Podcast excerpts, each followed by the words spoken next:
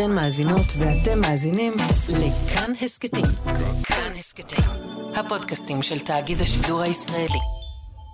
אני מאזין לחדשות, לדיווחים על הגזרות החדשות של אביגדור ליברמן. אנחנו מדברות על רפורמה שנועדה לפגוע בבטן הרכה של המפלגות החרדיות ברשתות החינוך שלהן, מעיין החינוך התורני של ש"ס, החינוך העצמאי של יהדות התורה, רפורמה שאם תעבור תעלה להן מיליארדים מדי שנה. המטרה המוצהרת שלה היא להגדיל את לימודי הליבה אצל הנערים הצעירים החרדים. בעצם מה ש... והמילים לימודי ליבה מאוד מאוד מוכרות. זוכרים את זה עוד מיש עתיד, ואולי אפילו עוד קודם. למה מתכוון אביגדור ליברמן כשהוא קובע שבתי ספר חרדים יקבלו תקציב לפי כמה ליבה הם ילמדו? מה זה אומר ללמוד ליבה? היי, אני עקיבא נוביק, אתם מאזינים לעוד יום, והיום נשאל מאיפה התחיל הדיבור על לימודי העולם הגדול בחינוך החרדי, או מה שקוראים לימודי חול, לימודים כלליים, השכלה שאיננה לימודי קודש. ואנחנו היום עם שניים, עם דוקטור גלעד מלאך, ראש התוכנית לחרדים בישראל במכון הישראלי לדמוקרטיה, ועם פרשננו יאיר רטינגר.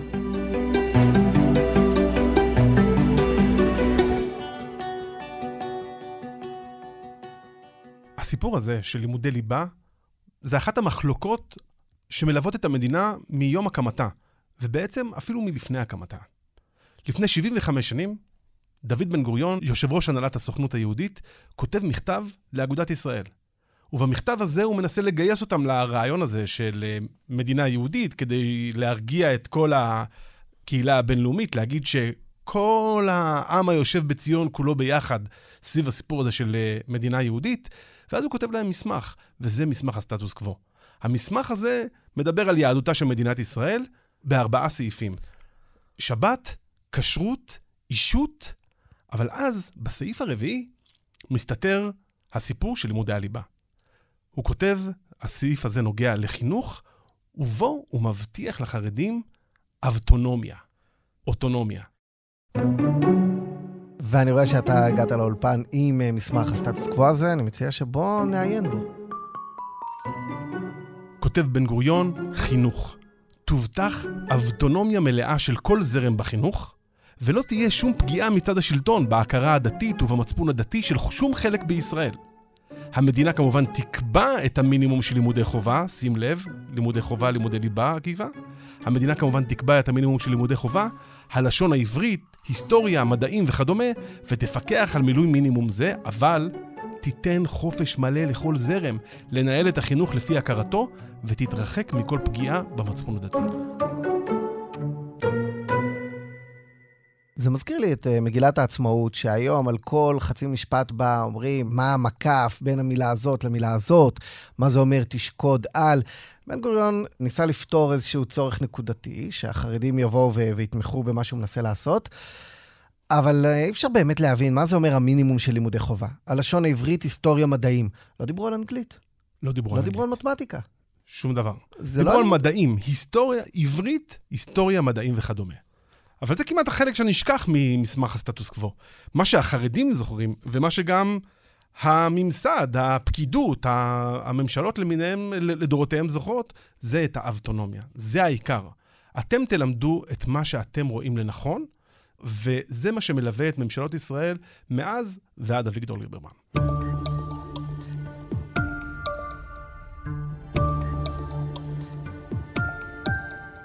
וקמה מדינת ישראל, וקמו בתי ספר חילוניים ודתיים וחרדים, והביטוי לימודי ליבה נולד הרבה הרבה שנים אחר כך. נכון, בן גוריון קרא לזה לימודי חובה, ואז בתקופתה של אה, לימור לבנת כשרת החינוך, לפני משהו כמו 20 שנה, אז מתחילים לקרוא לזה לימודי ליבה. אנחנו עומדים, החל משנה הבאה, להנהיג בכל המערכת, בכל בתי הספר, תוכנית ליבה משותפת. נודיע עליה בתוך שבועות אחדים. היא תהיה משותפת לכל הזרמים, והיא תעסוק בבסיס משותף, שהוא חיוני להכשרת אזרחים בוגרים ואחראים בחברה הישראלית. למה בכלל מתעסקים עם זה? כי מבינים שהתנאי ההוא שהכתיב בן גוריון מעולם לא נאכף. מעולם לא נקבעו אמות מידה ברורות למה הם לימודי ליבה, כמה שעות, מה, מה הקשר שבין התקצוב לבין החובה שלך ללמד את הלימודי ליבה האלה. רק בתקופה די מאוחרת ניסו לעשות סדר בדברים האלה, ואז התחילו לקרוא לזה גם לימודי ליבה. אבל, נחש מה, זה מעולם מעולם לא הוסדר, ומעולם מעולם לא נאכף. לימודי ליבה אמיתיים מעולם לא נוסו. אז הנקודה הראשונה על ציר הזמן היא בן גוריון, אה, ערב הקמת המדינה ב-1947. הנקודה השנייה, אוגוסט 2002, שרת החינוך לימור לבנת מגבשת את תוכנית לימודי הליבה. היא כוללת ממש את המינימום, נכון? נכון, היא כוללת את המינימום. צריך להגיד, עוד בדרך היה חוק לימודי חובה, והיה את אה, חוק חינוך ממלכתי, היו כל מיני חוקים שהתעסקו עם הנושא הזה, אבל מעולם לא הסדירו את זה. הניסיון הרציני הגדול היה בתקופתה של לימור לבנת להגיד, הנה, א', ב', ג', אתם חייבים לתת את הלימודים האלה. יהיו אולי אנשים שיהיה קשה להם להפנים את השינוי. תמיד יש קושי לשנות את הקיים. מה זה לשון, אנגלית? לשון, אנגלית, מתמטיקה, ובמידה מסוימת מדעים. תשמע, הם לא רצו שיתחילו להתעסק באיך נוצר העולם ומה מוצא המינים. התורה אומרת שהעולם בן 5,700 שנה בערך, המדע אומר כמה מיליארדים. שם נתנו את, ה, את האוטונומיה, אבל מאז עברו 20 שנה עד היום, מאז אוגוסט 2002, לימור לבנת. כמה התקדמנו ב-20 שנה האלה? אז מה שקורה מאז תוכנית הליבה של לימור לבנת, שלא כל כך התקדמה, זה שדווקא האוטונומיה החרדית, או האבטונומיה, כפי שקרא לזה בן גוריון, דווקא התחזקה. וזה קורה ב-2007. וכעת לקרב הבא על החינוך בישראל. הממשלה אישרה היום את הצעת החוק של השר משולם נהרי מש"ס לתקצוב מוסדות החינוך החרדיים. שרת החינוך, שאמורה ליישם את ההצעה הזאת, נמנעה לאחר שתקפה אותה. ב-2007, ממשלת אולמרט, יש שר יחסית שולי בממשלתו, שר מש"ס, קוראים לו משולם נהרי. ומשולם נהרי מעביר רפורמה שנקראת עד היום על שמו חוק נהרי, והרפורמה הזאת מחזקת מאוד את האוטונומיה החרדית. מדובר במתן הזדמנות שווה לילדי המוכר שאינו רשמי, בתנאים הבסיסיים, לקבל חימום, לקבל מיזוג בקיץ, שירותי ניקיון, מים וחשמל. אני חושב שכולם מסכימים, ואין אחד שלא יסכים שהילדים האלה זקוקים, כמו כל ילדי ישראל, לפחות לתנאים הבסיסיים. מה היא אומרת? היא אומרת שהרשויות המקומיות חייבות לתקצב בשיעור של 100% את הרשתות החרדיות המוכרות, שזה החינוך העצמאי ומעיין החינוך התורני. הן חייבות לתת להם תקצוב כמו שמתקצבים בחינוך הממלכתי. ולכאורה, לכאורה, תמיד נמצא שם התנאי הזה של לימודי ליבה, אבל הדבר הזה מעולם לא נאכף. זאת אומרת, במערכות האלה, שבאופן רשמי כאילו אמורות ללמד יותר לימודי ליבה, החלק של היותר לימודי ליבה לא כל כך נאכף, אבל החלק של התקציב אכן קיים בתוקף עד היום, הן מתוקצבות ב-100%. והנקודה הבאה על ציר הזמן היא תחילת 2013, מוצאי הבחירות. אזרחי ישראל אמרו היום לא לפוליטיקה של פחד ושנאה. הם אמרו לא לאפשרות שנתפצל לסקטורים ולמגזרים ולשבטים ולקבוצות אינטרסים. הם אמרו לא לקיצוניות, והם אמרו לא לאנטי-דמוקרטיות. עולה מנהיג חדש, יאיר לפיד, שר חינוך חדש, שי פירון, והם מחליטים שבהסכמים הקואליציוניים הם לא נכנסים לממשלה בלי לימודי הליבה. נכון, ואז הם עושים תיקון לחוק נהרי, בניסיון שוב להסדיר את הסיפור הזה של יותר לימודי ליבה, יהיו חייבים לימודי ליבה, אה, אבל הממשלה הזאת, כזכור, קצרת מועד, והתיקון מתוקן בחזרה או נמחק, ואנחנו חוזרים לחוק נהרי שתקף עד עצם היום הזה. בעצם ב-2015, כשקמה הממשלה החדשה, בלי יש עתיד, החרדים עושים control Z על כל uh, מה שיש עתיד עשתה. היחסים uh, של הליכוד עם החרדים הרבה יותר חזקים מהיחסים עם יש עתיד, אפילו יותר חזקים מהרצון להנחיל לימודי ליבה, ומאז ועד היום, שבע שנים, בעצם אין שום uh, חדש, חוק נהרי עדיין חל פה. חוק נהרי עדיין חל, וצריך להגיד שמה שאתה הקראת קודם עם אביגדור ליברמן, חוזר לחוק נהרי. חוק נהרי אמר, התקצוב של הרשתות החרדיות יעלה מ-75% ל-100%, אביגדור ליברמן אומר להם, תקשיבו, אני מוריד אתכם חזרה ל-75%, אבל יש לכם את האפשרות לחזור ל-100%. איך? בתנאי שתלמדו לימודי ליבה באופן רציני. אותם מוסדות חינוך שלא רוצים ללמד uh, לימודי ליבה, אותה פיצול אישיות שאנחנו מוצאים באותם מוסדות פטור. כלומר, מדינת ישראל מצד אחד מממנת הכשרה מקצועית, השלמת בגרות במאות מיליוני שקלים לציבור החרדי, ומצד שני נותנת אה, בחוק, במוסדות פטור, פותרת אותם מלימודי ליבה, כמעט 60 אלף ילדים לומדים במוסדות פטור בעלות של רבע מיליארד שקל. אז מי שלא רוצה ללמד uh, לימודי ליבה, uh, תעשו את זה על חשבונכם, לא על חשבון uh, משלם המיסים. כלומר, הוא, הוא לוקח להם כבן ערובה רבע מהתקציב שלהם, ואומר, הוא יוחזר לכם אם אתם תלמדו מתמטיקה, אנגלית, עברית, ובואו נגיד, המטרה של כל מי שניסה להכניס לימודי ליבה, המטרה המוצהרת, היא לתת כלים לחרדי או לחרדית שיום אחד יגיעו וירצו לעבוד בעבודה, בוא נגיד, של העת החדשה, עבודה שלא הייתה פה לפני 100 שנה, עבודה שמביאה משכורת טובה. אי אפשר, למשל, לעבוד בהייטקס בלי מתמטיקה אנגלית. נכון. ובעצם, אגב, ברמת ההצהרה, כולם מסכימים לזה. ברמת ההצהרה כאילו אין כאן ויכוח. אומרים החרדים, כן, בטח, אנחנו בעד לימודי ליבה. אלא ש-75 שנה מאז מסמך בן גוריון, מסמך הסטטוס קוו, זה פשוט לא קרה. בא אביגדור ליברמן ואומר, בוא פעם אחת ברצינות נתייחס למחויבות הזאת ללמד לימודי ליבה כתנאי לתקצוב. אבל אתה יודע, אם היה כאן איזושהי מלחמת תרבות, באים החרדים ואומרים, אנחנו פשוט לא מוכנים ללמד, אז זה היה נראה אחרת. ברמת ההצהרה, מוכנים, אבל ברמה הפרקטית, זה לא קורה כמעט, ובמיוחד במוסדות לבנים. במוסדות לבנים, שם הבעיה הגדולה ביותר.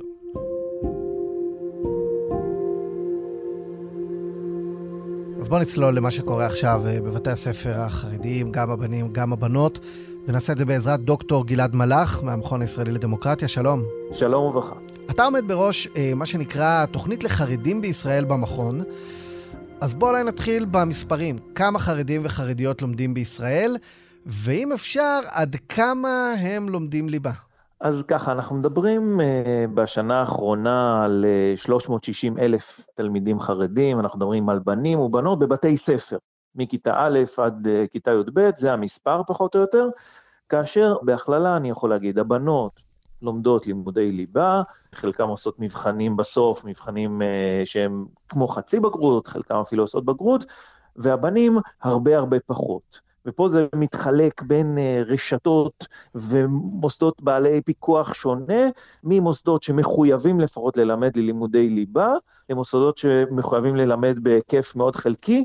בין כך ובין כך, בגיל תיכון, כמעט כולם לא לומדים לימודי ליבה, אלא לומדים רק לימודי קודש. אבל בתיאוריה, ברמה ההצהרתית, אנחנו יכולים לזכור אמירות של כמעט כל הפוליטיקאים החרדים, זה כמו הגיוס, נכון? הם אומרים, כן, אנחנו בטח, ב- בוודאי צריך ללמוד ליבה, אה, אבל, ואז מתחילים עם הכוכביות. כן, זה נכון שיש ככה איזה מין אה, הצהרה עקרונית שצריך קצת, כן? אבל בטח כשאנחנו מדברים על אה, היקף שהוא יותר משמעותי, ובטח כשאנחנו מדברים על גיל מסוים, אז כבר באמת אה, יש הסתייגות אה, גדלה והולכת. אחד התחומים הכי, נקרא לזה בעייתיים, זה הנושא של לימודי אנגלית. שרוב מוחלט של בתי הספר אה, לא מלמדים אנגלית, וזה נחשב אחת הבעיות המרכזיות אחר כך, שחרדים גברים מנסים אה, ללמוד מקצוע, להשתלב בעולם התעסוקה, הרוב המוחלט פשוט לא יודע אנגלית. אז גלעד, בואו נדבר רגע על, נחזור טיפה אחורה ונבין מה הפער? כי אה, הדרישה ללמוד לימודי יסוד, לימודי חובה, היא עוד מופיעה במסמך הסטטוס קוו אצל בן גוריון, ואחר כך אצל כל שרי החינוך. נכון. איפה הפער? למה זה לא קרה?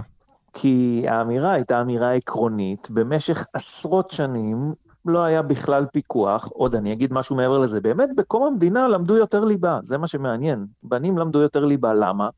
כי היה צריך את זה. גברים חרדים בקום המדינה עוד יצאו לעבוד, אז היה צריך את זה ולמדו. עם השנים, ככל שהחברה החרדית הפכה להיות יותר ויותר חברת לומדים, אז כבר רוב החרדים עברו ממוסדות של חינוך עצמאי, ששם למדו יותר ליבה, למוסדות uh, פטור, שבכלל לא למדו שם כמעט ושום דבר, כי כבר לא היה צורך. והמדינה לא התעניינה בזה שנים רבות. שנים רבות על כל החינוך החרדי, נניח שהוא היה 150 אלף תלמידים לפני 20 שנה, היה שני מפקחים בכל הארץ. כלומר, לא היה שום פיקוח. אז מטבע הדברים, אם החברה לא מרגישה שזה מאוד חשוב ומשרד החינוך לא נותן בזה דגש, אז מטבע הדברים נוצר הפער הזה שעליו דיברת. אני יכול להבין את ההתנגדות החרדית, העקרונית, לאינטרנט, לטלוויזיה, אה, לצריכת תקשורת חילונית, לא עלינו. אבל למה ההתנגדות ללימודי מתמטיקה, למשל? בואו ננסה להסביר למאזין אה, הדיוט, למה לא ללמוד מתמטיקה בעצם? אם זה לא על חשבון השעות של לימודי תורה, מה ההתנגדות כל כך? אז העניין הוא שזה תמיד על חשבון, כלומר, א', יש הבנה, בניגוד אני אומר לאנגלית, על חשבון מאוד מאוד בסיסי, אין בית ספר שלא לומדים. חיסור, חיבור, הפעולות הבסיסיות, לומדים. אז זה בסיס. אבל ברמה יותר גבוהה, יגידו לך חלק לפחות מה, או מהמחנכים, או מה, מהמנהיגים, או מההורים, יגידו, זה לא חשוב, זה לא חשוב לחיים, זה לא חשוב ללימוד תורה. הוא יודע את הבסיס, אז הוא יכול ללמוד תורה, ואם יש לי עוד שעה פנויה, שילמד עוד גמרא. אבל uh, מהבחינה הזאת, זה ביטול תורה, זה היבט אחד. היבט שני גם, שיש איזושהי הבנה מתחת לפני השטח, שאם רמת לימודי החול תהיה גבוהה, אז גם האופציות מבחינת התלמידים אחר כך בעתיד יהיו לפנות לכל מיני דברים, ולאו דווקא ללימוד תורה. ומטרת החינוך החרדי הוא להכשיר את הצעירים החרדים להיות לומדי תורה, להיות תלמידי חכמים. זאת המטרה. כלומר שלא תיפתח תחרות חלילה לעתידו המקצועי של התלמיד. כן, כלומר, אם, אם באמת יהיה יותר לימודי חול, אז יש סיכוי גבוה יותר שזה מה שיתפוס את uh, תשומת הלב של התלמיד. אני אומר, זה בצד באמת של התחרות, וגם בצד, נקרא לזה, של האמונה, שהדבר העיקרי והחשוב ביותר זה לימוד תורה. אלה שני המרכיבים של ההכרעה הזו. Mm-hmm. נאמר ככה, זה נקודת הבסיס שהמדינה, שמודעת יותר ויותר לבעיה, מנסה לשנות.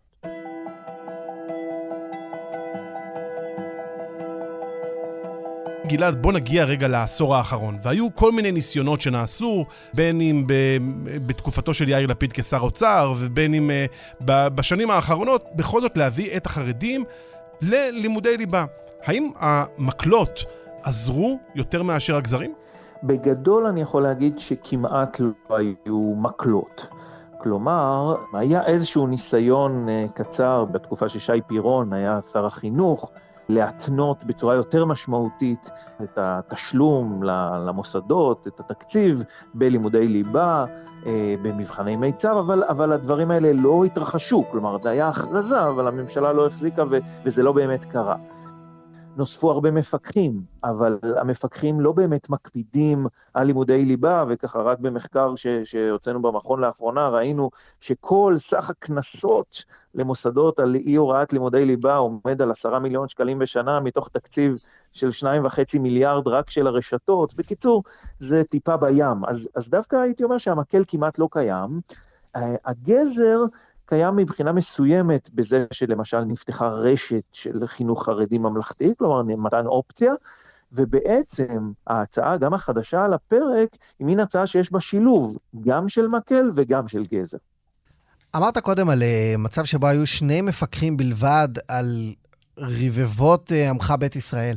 נניח שבתי ספר יגידו, כן, אנחנו לומדים ליבה. יש uh, דרך, מנגנון, לבדוק שבאמת לומדים ליבה? כי הרי פה אנחנו מגיעים למחוזות הפוילשטיק, ובזה אנחנו היהודים מומחים גדולים. נכון, ובאמת זה מה שהם אומרים. כלומר, הם אומרים, בתי הספר אומרים, אנחנו מלמדים ליבה. אה, בפועל זה, זה לא בהכרח קורה, או זה קורה בצורה מוגבלת. יש בעצם למדינה שלוש דרכים עיקריות לעשות את זה. אפשר לעשות את זה באמצעות מבחן, יש מבחנים בישראל, מבחני מיצ"ב, שהם בוחנים את רמת הידע בתחומים שונים ונעשים בכמה שכבות גיל, וככה באמת אפשר לדעת. זו אפשרות אחת. ויש עוד שתי, שתי דרכים שהן דרכים פיקוחיות, או באמצעות מפקחים, ובדרך כלל המפקחים אבל הם שייכים, נניח יש מחוז חרדי, אז זה מפקחים חרדים, זה סוג אחד של פיקוח שאמרנו שלא כל כך עובד, והסוג השני זה גם יש למשרד החינוך מין פיקוח חיצוני, פיקוח ובקרה, שהוא פיקוח די קשוח ואין לו את כל הקשרים של מפקחים מתוך המחוז, והוא גם כן דרך אפשרית. בפועל, מבחני המיצ"ב, שזה אני אומר הכלי שהיה יכול לעשות את זה בצורה הטובה ביותר, כמעט לא מתרחשים בחינוך החרדי, כלומר מתרחשים בחלק של, רק של החינוך של בני יוסף, שזה החינוך החרדי-ספרדי, בגיל מסוים, לא במקצוע האנגלית, אלא רק בעברית, בקיצור, לא רציני. אז, אז בעצם יש כלים והם לא מתממשים, ולכן, כאילו, ההצעה עכשיו היא, היא מתכתבת עם הדברים האלה ומנסה ליצור איזשהו מבחן חדש, שיגביר את הפיקוח, אבל גם יתקן כמה אנומליות אה, אה, בהקשר של המימון של החינוך החרדי. יש מחקרים שמעידים על קשר כלשהו בין uh, לימודי ליבה לבין אחר כך uh, השתלבות בשוק העבודה המתוחכם יותר, הגבוה יותר? כן, אנחנו רואים גם למשל במחקרים על חרדים שהשתלבו בהייטק. אז אנחנו רואים שאחוז מאוד גבוה זה כאלה שכבר יש להם תעודת בגרות מגיל צעיר, שזה סגמנט מאוד מאוד קטן בחברה החרדית, אבל קל לו הרבה יותר להשתלב בתעשייה שככה צריך בה באמת את כל מקצועות היסוד ברמה מאוד גבוהה. אז uh, הדברים האלה הם ברורים, אנחנו רואים גם, גם על נשים שיש להם את הרקע הזה, גם קל להם יותר ללכת למשל ללימודים אקדמיים, שני שליש מהחרדים שלומדים זה חרדיות למעשה. אז יש לנו את האיתות הזה שלימודי ליבה וברמה סבירה הם אחר כך משפיעים על העתיד של התלמידים החרדים, זה, זה ברור. לסיום, גלעד, אתה מומחה למדיניות ציבורית וגם מומחה לא קטן לפוליטיקה. אז מאיפה יבוא בסופו של דבר השינוי? מרגע של כפייה או מרגע של שיתוף? כי בעצם נדמה שכבר הכל נוסה בקשר ללימודי הליבה, ושום דבר לא באמת עבד. אז מה באמת יעבוד לדעתך? מההתעסקות שלי בנושא אני רואה שיש הרבה מאוד דברים שאפשר לעשות, נקרא לזה בצורה פוזיטיבית. כל הנושא של תוכנית לימודים, שאפילו לא קיימת, אין תוכנית מסודרת לבנים, בעיקר למוסדות שלא צריכים ללמוד 100%, מה אמורים ללמוד בכל שכבת גיל. תוכנית לכתיבת ספרי לימוד, למימון ספרי לימוד בהנחה, להכשרת מורים, יש המון המון דברים שאפשר לעשות בצורה פוזיטיבית ועדיין לא נעשו. ומהצד השני, בלי שיהיה מבחנים או פיקוח או כל דרך אחרת שתבחן שאכן הדברים האלה קורים בשטח, השינוי יהיה מאוד מוגבל. ולכן השילוב של שני הצעדים האלה, ועד היום עוד לא ראיתי ממשלה, אני אומר, בין אם החרדים היו בפנים ובין אם לא, ששמה את הנושא הזה כנושא מרכזי בעשייה שלה, עד שזה לא יקרה, אז, אז אנחנו נראה שינויים מוגבלים מאוד בשנים הקרובות. דוקטור גלעד מלאך, תודה רבה לך. תודה לכם.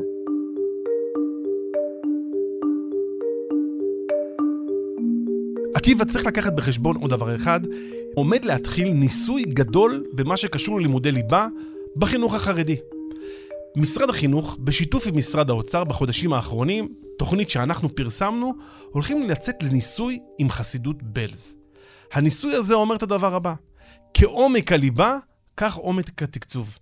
והנה אנחנו נעשה איתכם איזשהו דיל, ניתן לכם תקצוב גבוה, קרוב ל-100%, כמעט כמו החינוך העצמאי, כי יש עוד כמה מדרגי תקצוב, לא נכנסנו לזה מוסדות הפטור, אתם תקבלו יותר תקצוב, אבל תצטרכו להוכיח לנו שאתם למדתם יותר לימודי ליבה.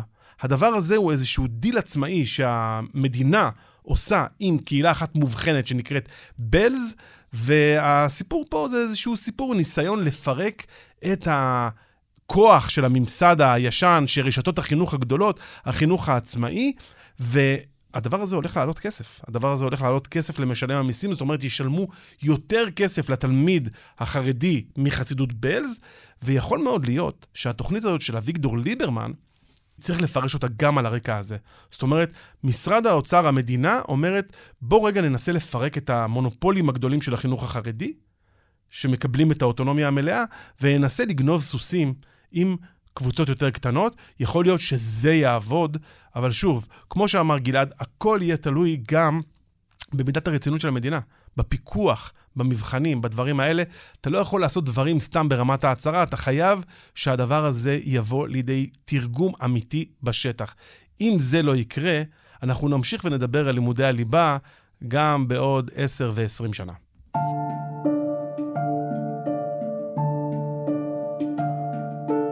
יאיר אטינגר, תודה רבה לך גם על ההסכת הזה. תודה רבה לך, עקיבא נוביק. ותודה רבה לכם שהאזנתם, ותודה לדניאל אופיר שערך והפיק את הפרק הזה. תודה לנועם ברלכיס על עיצוב קול ומיקס. תודה לאלה ניידיונוב על הביצוע הטכני, לרות רוט בצוות עוד יום. הערות, אה, רעיונות אה, לפרקים הבאים, אה, ביקורת בונה ברוח טובה, אפשר להשאיר לנו בדף של כאן הסכתים בפייסבוק, או בדפים שלי, עקיבא נוביק, בפייסבוק, טוויטר, אינסטגרם, מודקה, מירק, מקושרים, חבר'ה. תודה רבה לכם שהאזנתם, וניפגש בפרקים הבאים, אה?